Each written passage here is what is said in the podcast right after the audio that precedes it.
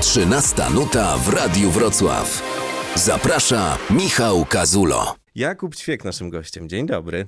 Dzień dobry. Twoja najnowsza książka, Drelich, to będzie wytrych do naszej rozmowy, ale znamy cię oczywiście z wielu innych tytułów i e, ja bym chciał zacząć od chwalenia, bo mam tak, to będzie subiektywne i wcale nikt nie musi się z tym zgodzić, ale nie za bardzo kupuję polskich autorów piszących kryminały i tym podobne, a głównym zarzutem zawsze właściwie są e, dialogi. Po prostu nie wierzę, że jak ktoś z kimś rozmawia, to rozmawia się też tak w polskich y, kryminałach. No i dlatego chylę czoła za błyskotliwość, ale y, z drugiej strony to chyba też jest y, trochę tak, że ciebie cieszą i ciekawią twoje postaci i dlatego to tak jakoś naturalnie wychodzi.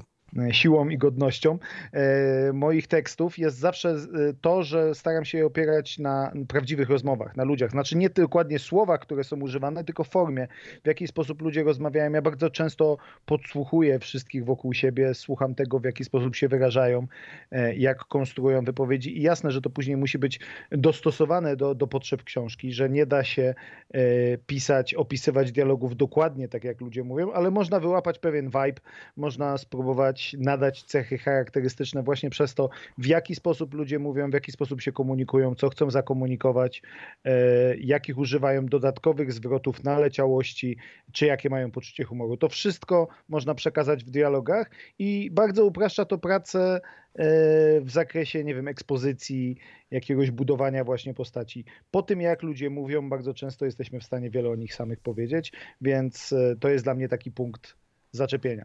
Ja właśnie przed rozmową z tobą dopiero zrozumiałem, jak bardzo blisko zawód pisarza jest y, zawodu aktora.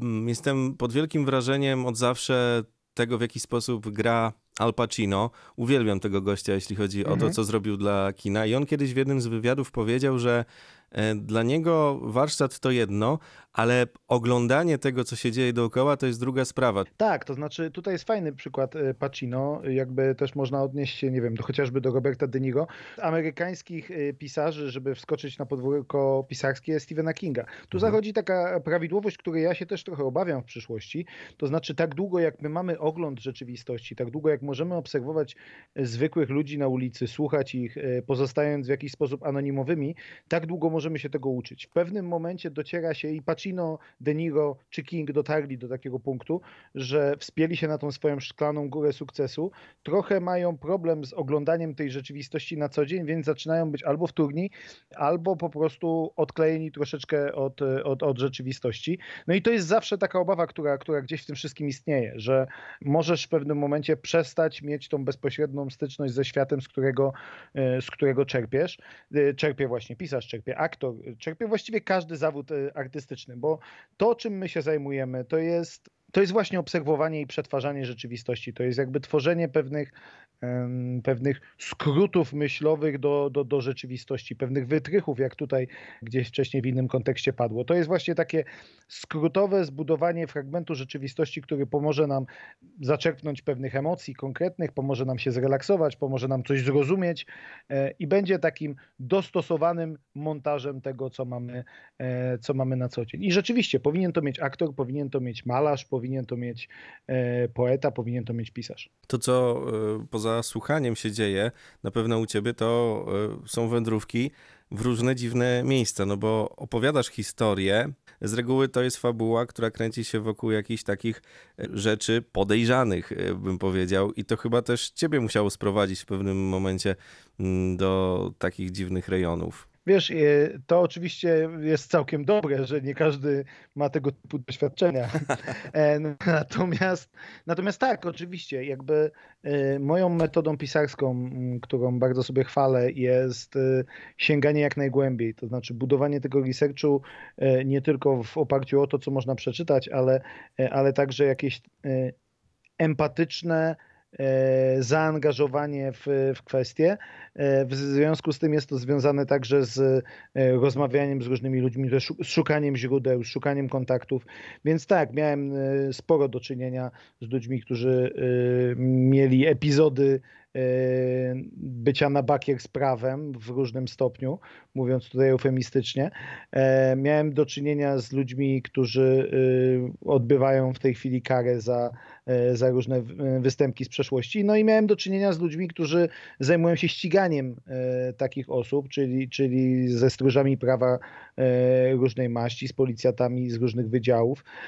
I, i E, to sprawia, że, że buduję sobie w głowie gdzieś pewien ogląd i jasne, że, że to też to, co ja piszę, to są pewne uproszczenia, to są pewne schematy, które wprowadzam, ale staram się, żeby to nie były te klasyczne schematy, które nam się wtarły do, do głów za pomocą przede wszystkim amerykańskiej popkultury i, e, i, i przyjmujemy je bezrefleksyjnie, tylko rzeczywiście z takim dodanym E, sznytem wiarygodności, z jakimś takim nadbudowaniem tego o, o realia, które faktycznie mogły mieć miejsce. A miałeś tak w tych sytuacjach i w tych różnych y, akcjach, mm, że stwierdziłeś, kurczę, chyba przegiąłem, chyba, chyba aż tak daleko nie powinienem wchodzić, że zrobiło się trochę niebezpiecznie, trochę dziwnie, trochę dziwne zapachy i tak dalej.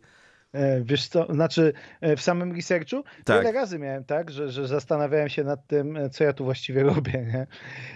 I, I, miałem sytuacje, w których zastanawiałem się, czy wyjdę z tego cało. Tu też są takie rzeczy, że, że byłem w różnych momentach i to wcale niekoniecznie, wiesz, była to jakaś napaść, czy, mhm. czy jakieś środowisko przestępcze, ale chociażby przetrzymanie w zimnie na dworcu e, w Katowicach, e, przenocowanie ileś tam nocy z rzędu na holu, gdzie są powybijane szyby, no to to już było traumatyczne przeżycie.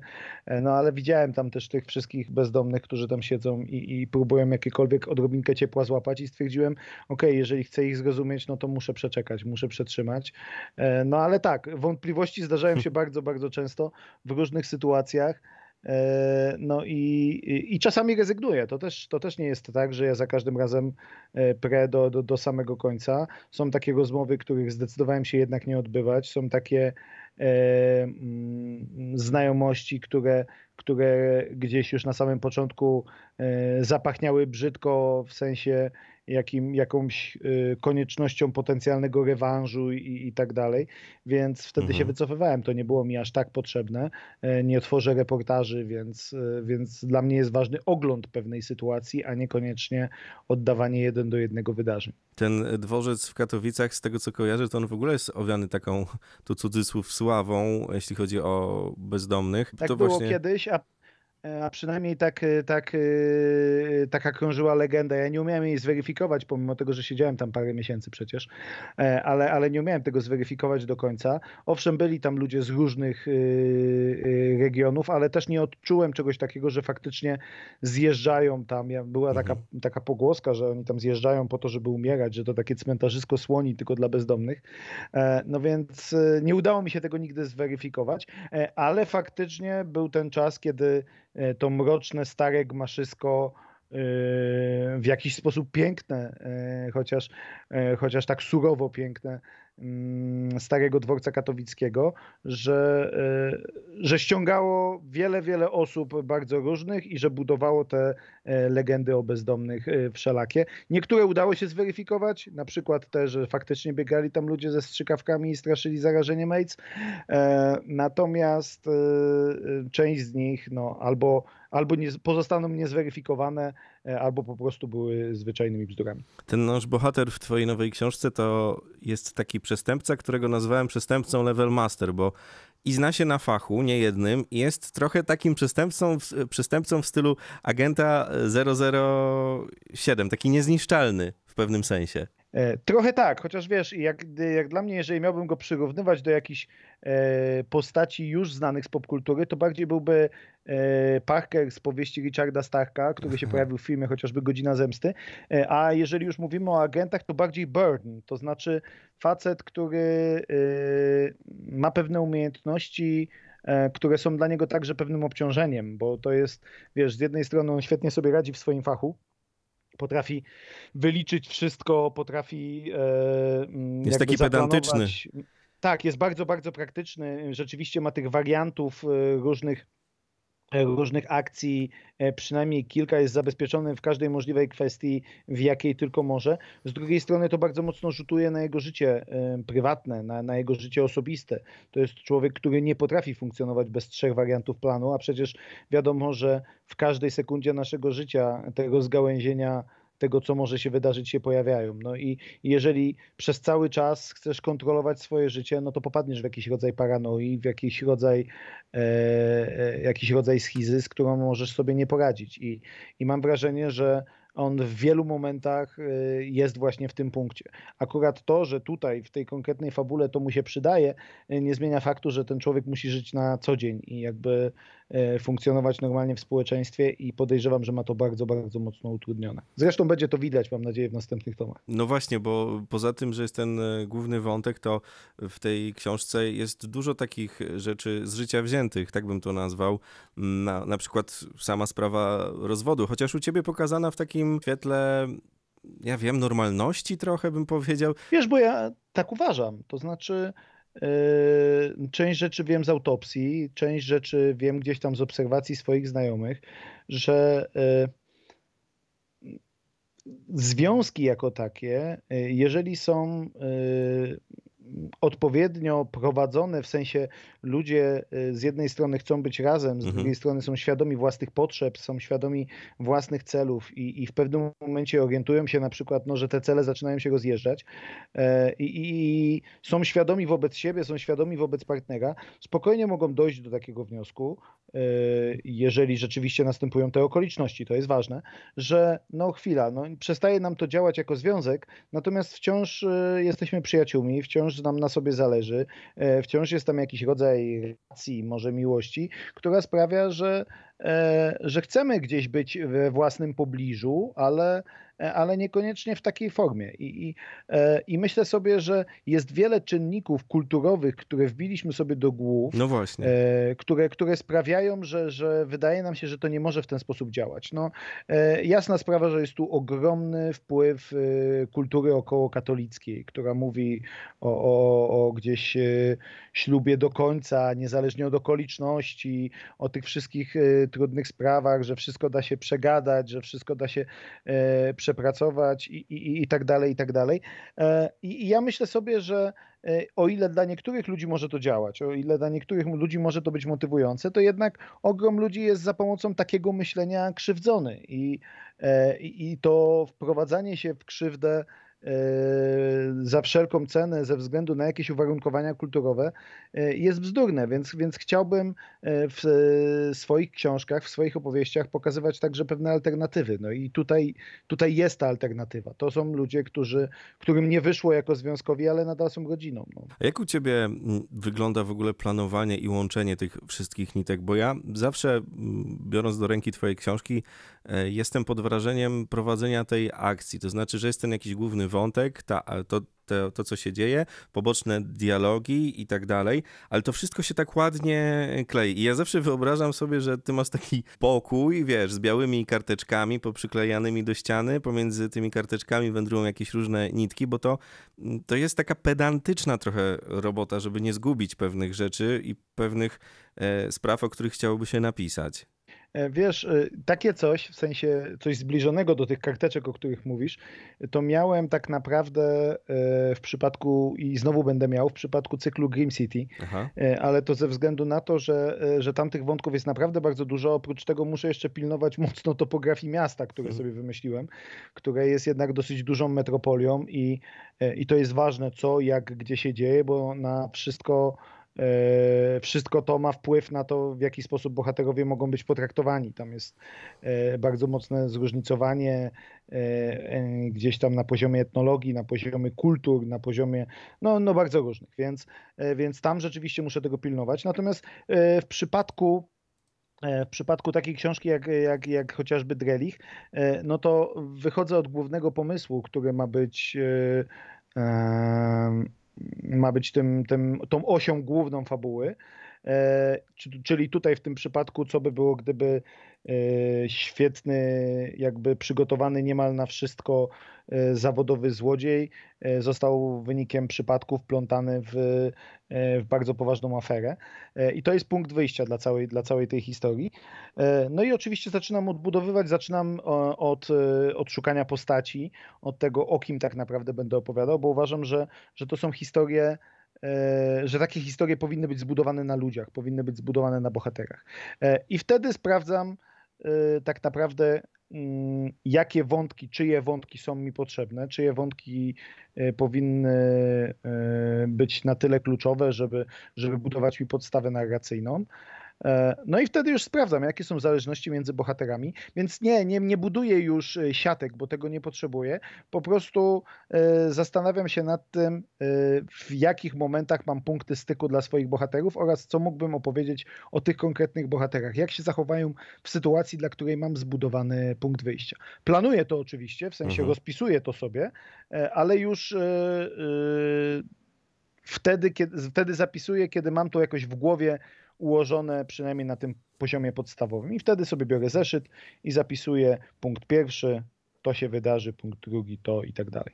No, ostatnio słuchałem twojej rozmowy z Karolem Paciorkiem i tam powiedziałeś bardzo fajną rzecz, że wy pisarze to w sumie nie zawsze wiecie, co robicie. E, to bardzo często nie wiemy, co robimy, wiesz, bo, bo to jest tak, no oczywiście e, znamy pewien zarys, e, wiemy mniej więcej, co wyjściowo chcemy osiągnąć, ale w pewnym momencie na przykład w całej tej historii, zwłaszcza jeżeli, tak jak mówię, dobrze są prowadzeni bohaterowie, dobrze jest zbudowane tło, nagle się okazuje, że historia prowadzi nas w zupełnie inną stronę i, i okazuje się, że ci bohaterowie E, mogą się chcieć zachować inaczej i to może być ciekawsze rozwiązanie. jeżeli autor ma pewną intuicję i jakby umiejętności, żeby, żeby za tym pójść, to może go wyprowadzić w dużo lepszy, w lepszy punkt. Ja tak miałem chociażby z Topielą, która, która miała e, taką konstrukcję, tam to jakby to nie jest spoiler, bo to się człowiek dowiaduje w pierwszym e, rozdziale, właściwie nawet we wstępie, że, że opowiadam historię o czterech chłopcach w czasie powodzi, z których jeden ginie.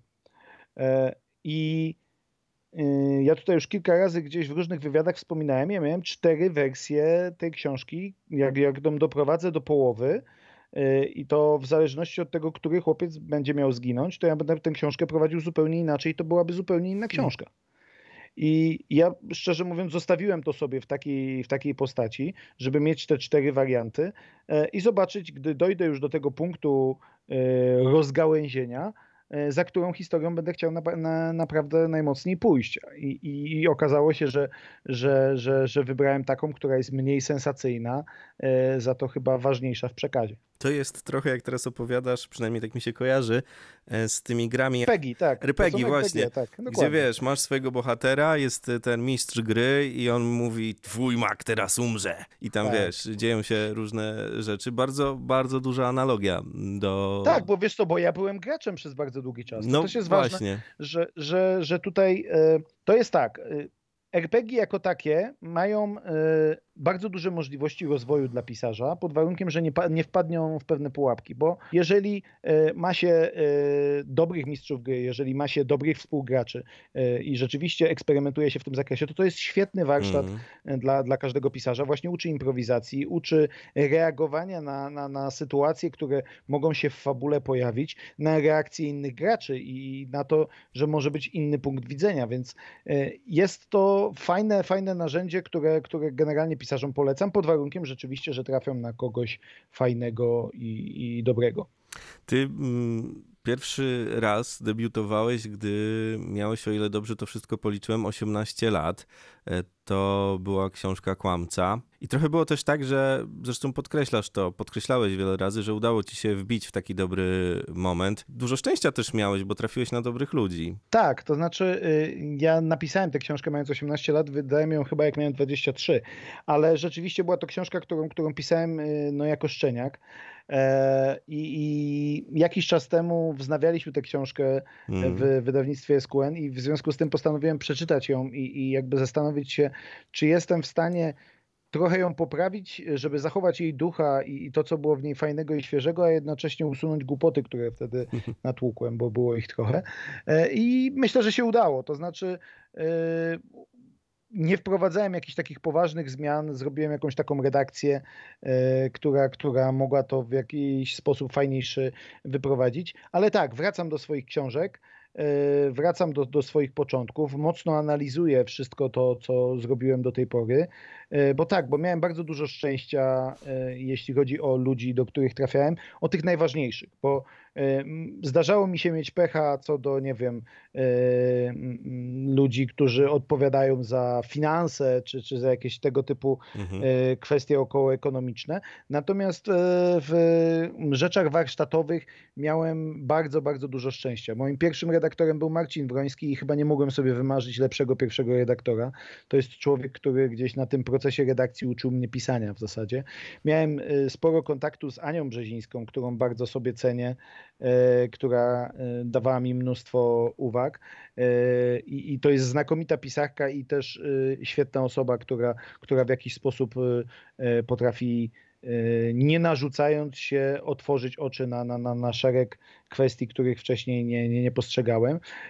No, jakby moja znajomość, przyjaźń z Anią Kańtoch na samym początku sprawiła, że, że też zupełnie inaczej zaczynałem patrzeć na, na pisanie, że mogłem skonfrontować swoje wizje, swoje pisarstwo z e, innym, inną pisarką, która, która też w tym momencie zaczynała zupełnie inną wrażliwość, zupełnie inny warsztat, e, ale, ale rzeczywiście pewne, e, pewne ciekawe spojrzenie na, na mm, pisanie, które mogłem zaczerpnąć. Więc e, tych ludzi na mojej drodze pojawiło się mnóstwo i mam wrażenie, że to widać w moim pisaniu, że widać mhm. Jak ono się zmienia, jak zmieniają się w nim wszystkie motywy, jak pewne fazy mojego życia znajdują tam, tam swoje odbicie. I te dobre fazy, i te złe. I, i jakby gdzieś, gdzieś to wszystko jest, ale, ale cały czas mam wrażenie, że, że wyciągam naukę z, z tego, jak pisałem wcześniej, e, odnoszę się do tego e, i staram się nie popełniać dwa razy tych samych błędów. A jak to u ciebie jest z tą popularnością? To muszą być też, tak sobie o tym myślę, wyjątkowe relacje. Bardzo często są, to prawda. Ja mam bardzo wielu przyjaciół y, i wiele z tych przyjaciół, y, przyjaźń, znaczy mówię o przyjaciołach, których, y, mhm. z którymi relacja rozpoczęła się właśnie dzięki temu, że czytali moje książki. E, I, i to był taki punkt, punkt styku. Od, od, tego, od tego zaczynaliśmy, a przeszło to w zupełnie, w zupełnie inne relacje.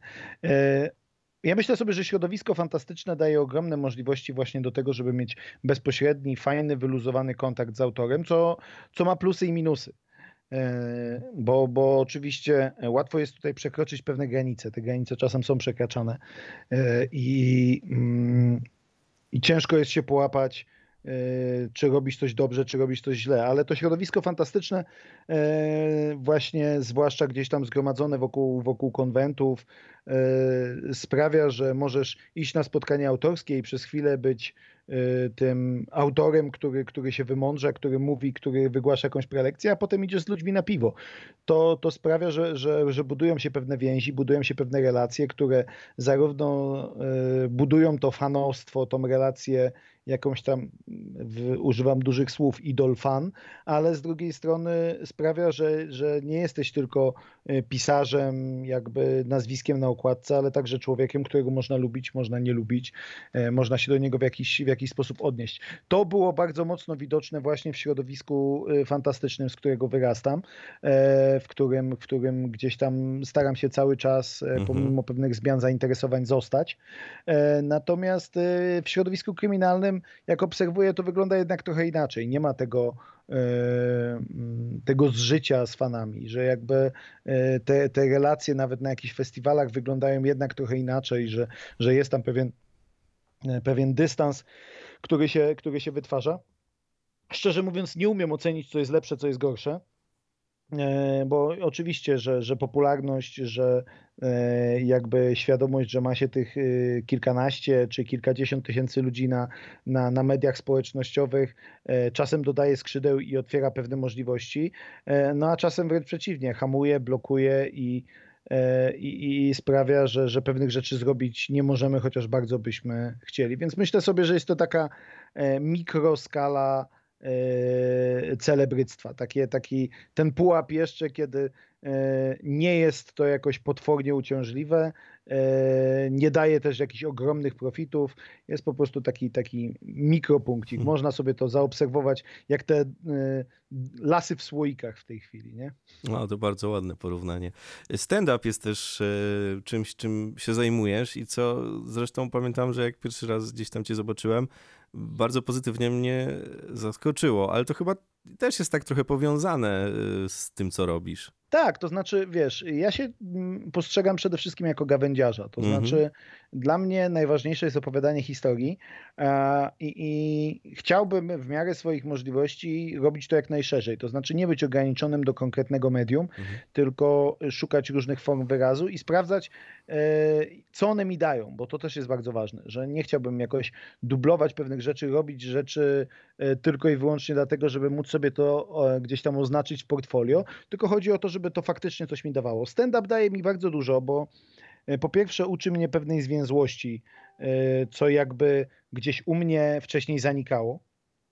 E, jakby pisarz, zwłaszcza gdzieś tam z jakimś doświadczeniem, zaczyna docierać do tego etapu, że nie musi się streszczać. A skoro nie musi, to dlaczego miałby to robić? E, a w przypadku właśnie komika stand-upowego, no komik stand-upowy streszczać się musi. To znaczy e, musi pilnować, żeby to miało odpowiedni rytm, żeby to w odpowiedni sposób działało, żeby te wszystkie punkty, w których ludzie mają się zaśmiać, były w należyty sposób wyeksponowane, żeby, żeby rytm był do tego dostosowany. Więc mm, uczę się także swojej pisarskiej zwięzłości poprzez stand-up, ale to, co wydaje mi się najważniejsze, to jest to, że, e, że kiedy e, piszę, to reakcji na to, co napisałem, mogę się spodziewać e, po pół roku, mhm. po roku, jakby do, wtedy, kiedy to już we mnie ostygnie, kiedy mhm. jakby ja już będę zajęty czymś zupełnie innym, ludzie zaczną reagować dopiero na to, co ja robiłem wcześniej. E, natomiast w przypadku stand-upu ja sobie przygotowuję pewien program, ale każdy występ jest, e, jest na żywo. Każdy występ jest inny trochę ze względu na inne reakcje ludzi, ze względu na inną energię, która gdzieś tam we mnie, we mnie jest. I w związku z tym ja muszę zraz reagować na to, co ludzie zrobią w trakcie, to co powoduje pewien gdzieś tam jakiś stopień improwizacji, ale z drugiej strony ja też widzę na żywo reakcje ludzi E, na to, co mówię i, i, w jaki sposób mówię, to też uczy pewnej dyscypliny. Jeżeli to sobie później przełożyć jakoś e, mhm. na, na, na, na to pisanie, jestem, sobie, jestem w stanie e, sobie łatwiej wyobrazić swoich czytelników i to, jak będą reagować na moje teksty, które, które piszę jako książkowe teatry pół roku. No to też jest adrenalina, prawda? I takie trochę mm, rzucanie się na głęboką wodę, no bo... Tak, tak. I tu jest jeszcze jedna ważna rzecz. No to jakby e, ja obserwuję wielu komików yy, i patrzę na to pod różnymi względami. Po pierwsze, oczywiście samego yy, żartu, czy mnie bawi, czy do mnie trafia, czy, czy jest moim rodzajem poczucia humoru, ale także warsztatowo. Tego właśnie, jak mają kontrolę nad publicznością, jak są w stanie płynnie sobie poradzić e, z tak zwanymi heklerami, czyli z e, przeszkadzaczami, którzy, którym wydaje się, że są zabawniejsi niż komik. Mhm. E, więc, więc na to wszystko są odpowiednie techniki, ale jest to także no, pewien talent, pewna, pewna umiejętność, z którą, którą trzeba sobie przepracować, wypracować i i rozwinąć. Więc są tacy, którzy są bardziej w tym zakresie utalentowani, są tacy, którzy mniej, ale jest to na pewno część warsztatu, E, którą, którą trzeba posiąść. No i ja mam tą, tą frajdę wielką, że e, znowu pod tym względem czuję się, jakbym się cofnął o dwie dekady i, e, i zaczynał coś od nowa. Jednocześnie z tym komfortem, że, że mam coś, co, co daje mi stabilizację, że nie muszę wszystkiego od tego stand-upu uzależniać, więc, więc jest to chyba najbardziej komfortowa sytuacja, w jakiej hmm. mogłem to, E, mogłem sobie to, to, to zaczynać. Jeszcze na koniec wróciłbym do pisania, bo zawsze zastanawiam się w wypadku, jak przeczytam książkę albo w ogóle jak gdzieś tam jestem, czy to, jest, to się często zdarza, myślę też Państwu po drugiej stronie, że się czyta książkę i od jakiegoś momentu nie idzie, po prostu zamyka się ją, trzeba odłożyć, pochodzić z tydzień się wraca. I zastanawiam się wtedy, czy mm, ty też tak masz, że jak piszesz y, jakąś książkę, prowadzisz tego bohatera, tak jak przed chwilą nam opowiadałeś, wściekasz się, wiesz, y, drzesz kartki, wychodzisz z siebie, albo czasem, czy zdarzyło ci się też porzucić taki projekt i, i wiesz, wszystko siadło? W zasadzie wszystko... Yy co, co, co wymieniłeś, ma miejsce, tylko bez darcia kartek. No też nie, w sumie nawet. Chyba się nawet zdarzało. E, ja bardzo często miewam tak, że, że coś mi przestaje grać, że muszę coś zmienić, że, e, że widzę, że mm, fabularnie pojawia mi się jakiś błąd, którego wcześniej nie przewidziałem i muszę pewne rzeczy, pewne rzeczy przerabiać, e, zastanowić się nad tym, w jaki sposób to działa. Bardzo pomagają mu mnie spacery. I, I, to naprawdę takie, takie długie, typu 10 kilometrów, że idę sobie mhm. gdzieś w las i, E, i tylko i wyłącznie myślę i zastanawiam się nad tym, w jaki sposób tę fabułę poprowadzić. Um, takie rzeczy, żebym porzucił jakiś projekt całkowicie, zdarzają się bardzo, bardzo rzadko. Nie wiem, z dwa, trzy razy mi się zdarzyły przez 15 lat, e, ale rzeczywiście dochodziłem do takich punktów, że nawet nie tyle stwierdzałem, że nie da się tego wyprowadzić, bo, bo myślę, że na poziomie książek, za które się zabieram, nie mam już takiej, której E, której nie byłbym w stanie wyprowadzić. Ale po pierwsze, nie byłoby to na poziomie mnie satysfakcjonującym, a co najwyżej poprawnym, mhm. dobrym, a, a to, to, to jest jakby y, coś poniżej tego, co, co, co chciałbym osiągnąć. E, a druga rzecz, y, czasem się po prostu nie opłaca. I to nie mówię tylko o finansach, ale mówię o zaangażowaniu, o energii w projekt, e, która sprawi, że, że będę musiał E, zablokować inne pomysły, które, które mam, tylko po to, żeby jakoś na prostą wyprowadzić ten, ten nieudany. Po prostu czasem jest to kalkulacja e, zyski, straty i, i, i, czasem stwierdzam, tak jak mówię, rzadko, ale jednak się zdarzało, stwierdzam, że no nie, bez sensu. Hmm. Ten projekt to jednak nie jest to, co chciałbym napisać. Jeśli chodzi o kryminały, to muszę przyznać, że jestem fanem tego gatunku. Fantastyka zresztą też, ale ja pamiętam, jak e, pierwszy raz e, wziąłem do rąk e, książkę Jonesbo. No, zakochałem się w tej całej serii, ale to było dobre kilkanaście lat temu mm, i tak sobie ostatnio przypominałem, jak wiele od tego czasu się zmieniło i nie chcę tu w jakiś patetyzm czy nostalgię popadać, ale mam wrażenie, że mamy takie trochę czasy, że bardzo trudno dzisiaj jest zaskoczyć kogoś jakąś intrygą, jakimś, wiesz, ciekawym wątkiem, że ta poprzeczka jest dużo wyżej niż była te kilkanaście lat temu. Uważam, że jakby y, kwestia, kwestia dzisiejszego kryminału y, i, i, tego właśnie, w jaki sposób y, szuka on cały czas tych, tych rozwiązań, jakichś zaskakujących, jakichś pomysłów, to jest wędrowanie ślepą uliczkę. E, zabrnęliśmy tutaj bardzo daleko, widzimy już te ściany i w związku z tym e, zaczynają się tworzyć jakieś e, coraz mniej wiarygodne hybrydy, które, które za cel mają tylko i wyłącznie zaskoczyć czytelnika, nawet, nawet kosztem wiarygodności jako takiej. I mam wrażenie, że to jest, e, tak jak mówię, to jest, to jest ślepa uliczka, to jest, e, to jest zmierzanie w niewłaściwym kierunku i, i, i to się musi jakoś niebawem skończyć, bo, bo zaczynamy iść w absurdy. Kiedy gdzieś tam pojawił się właśnie ten, ten kryminał skandynawski, z takim mocnym uderzeniem. On fajnie wprowadzał te kwestie społeczne. Trochę nam obce ze względu na to, mhm. że mówimy tutaj jednak o, o Skandynawach, e, ale, ale nadbudowywał coś nowego. I to był taki powiew e, gdzieś świeżości. Kiedy wcześniej trochę e, pojawiał się u nas Marek Krajewski z retrokryminałem, no to fajne było to połączenie mhm. takiego kryminału właśnie gdzieś, gdzieś z historią. Kilku autorów, w tym wspomniany już przeze mnie mój pierwszy redaktor Marcin Broński, potrafiło to wykorzystać.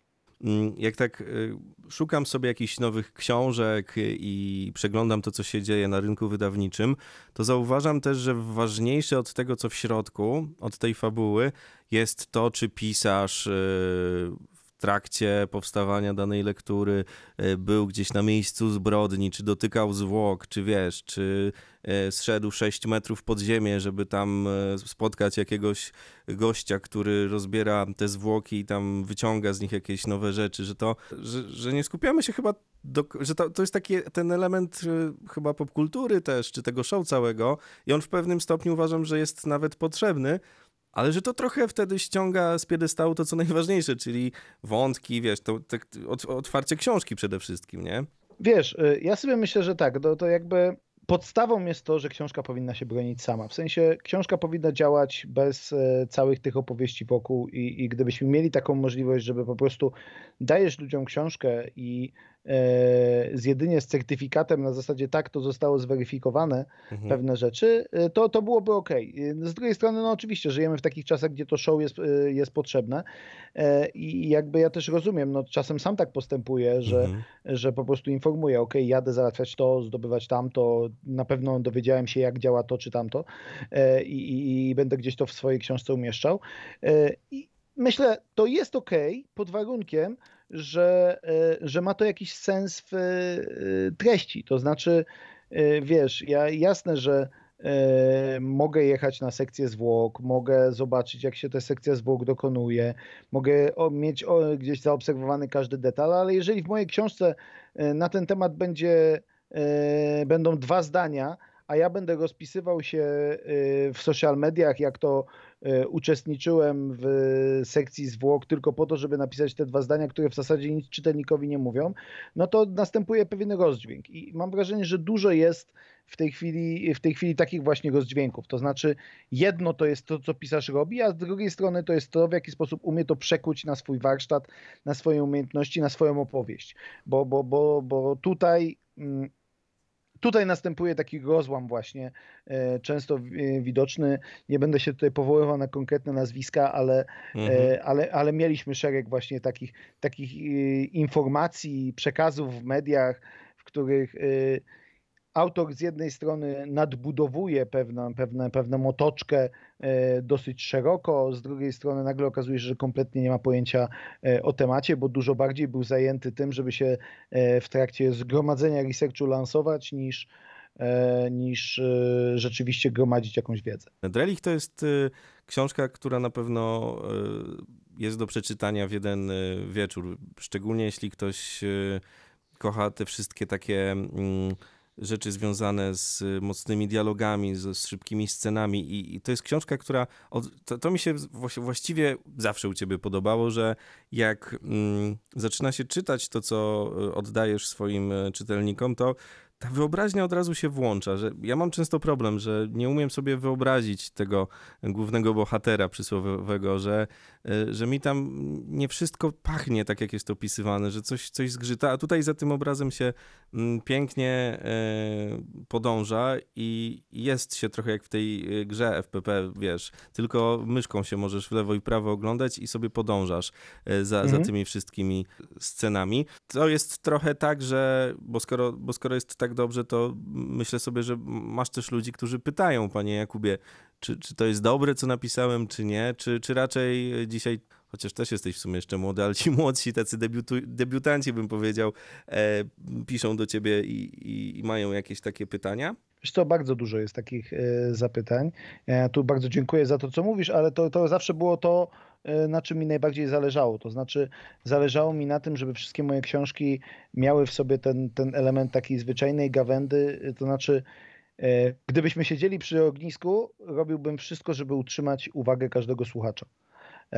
I, I, w związku z tym tak budował swój opis, żeby tę uwagę mieć, żeby mieć skupioną na sobie, żeby móc snuć opowieść. I w momencie, kiedy piszę swoją historię, no to, to też właśnie do tego zmierzam, żeby mieć to poczucie, że od pierwszej strony, od, od pierwszego kawałka czytelni, uwagę czytelnika będę miał. To, to jakby stąd się, stąd się ten zamysł bierze. Natomiast odpowiadając na pytanie, czy się odzywają, oczywiście, że się odzywają. Problem polega na tym, że e, odzywają się z niewłaściwymi pytaniami ponieważ y, y, to jest, to jest takie coś też, czego trzeba się nauczyć, na to trzeba zwracać uwagę.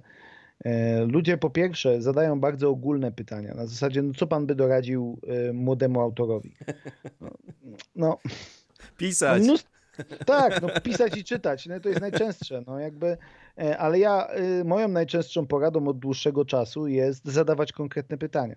Mhm. Kiedy ja miałem okazję spotkać się chociażby z Lee Childem, to pytałem go konkretnie o to, e, w jaki sposób, e, jaki ma pomysł na e, konstruowanie bujek z przeciwnikiem zbiorowym. I to było moje konkretne pytanie, bo wiedziałem, że u niego to działa. Chciałbym się dowiedzieć, jaki sposób on pewne rzeczy konstruuje, w sensie jak to wygląda u niego, u niego warsztatowo, że mu to działa.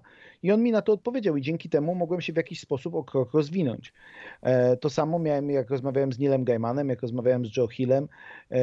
Moje jedno pytanie, które mogłem zadać Stephenowi Kingowi też dotyczyło warsztatu, więc to są jakby wszystkie te E, elementy, zadawać konkretne pytania, bo tylko wtedy rzeczywiście możemy na coś wpłynąć, tylko wtedy rzeczywiście możemy e, w jakiś sposób to swoje pisanie rozwinąć. Na ogólne pytania każdy pisarz odpowie nam ogólnie, podejrzewam, że dokładnie w ten sam sposób albo w bardzo, bardzo zbliżony, mhm. chyba, że postanowi zażartować, no to wtedy jakby to te żarty mogą... Tak, mogą, mogą być różne. E, więc to jest jedna kwestia. Druga kwestia jest taka, że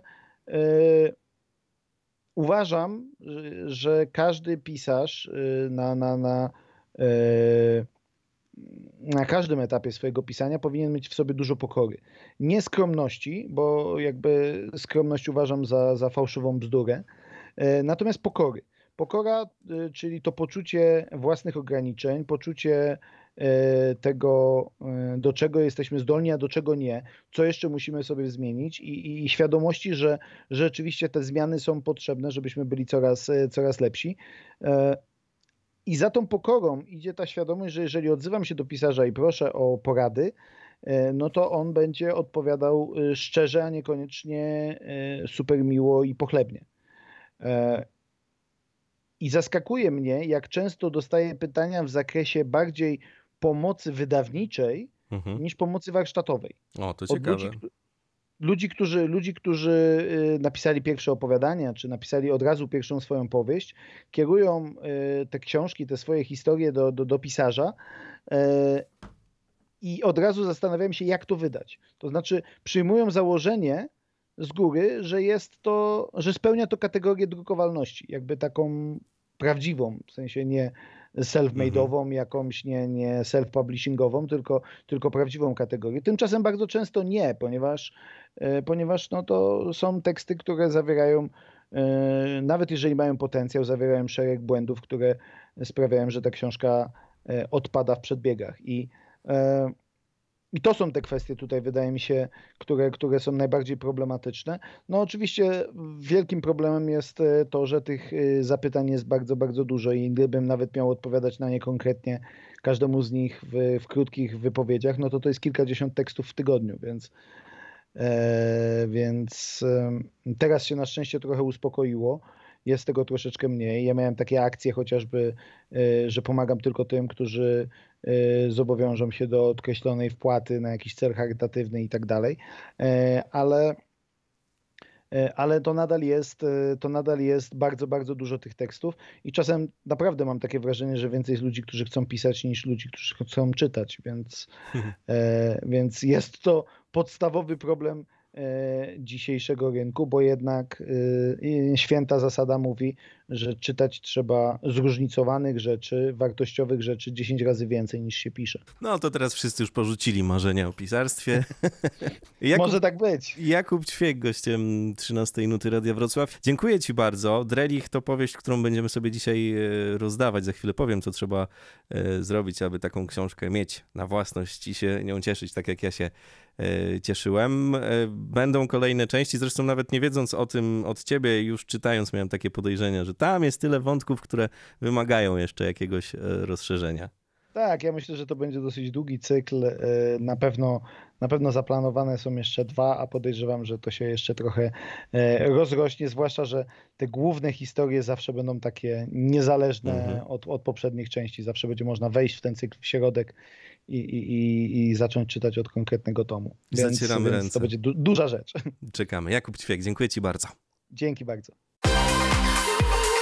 13 nuta w Radiu Wrocław. Zaprasza Michał Kazulo.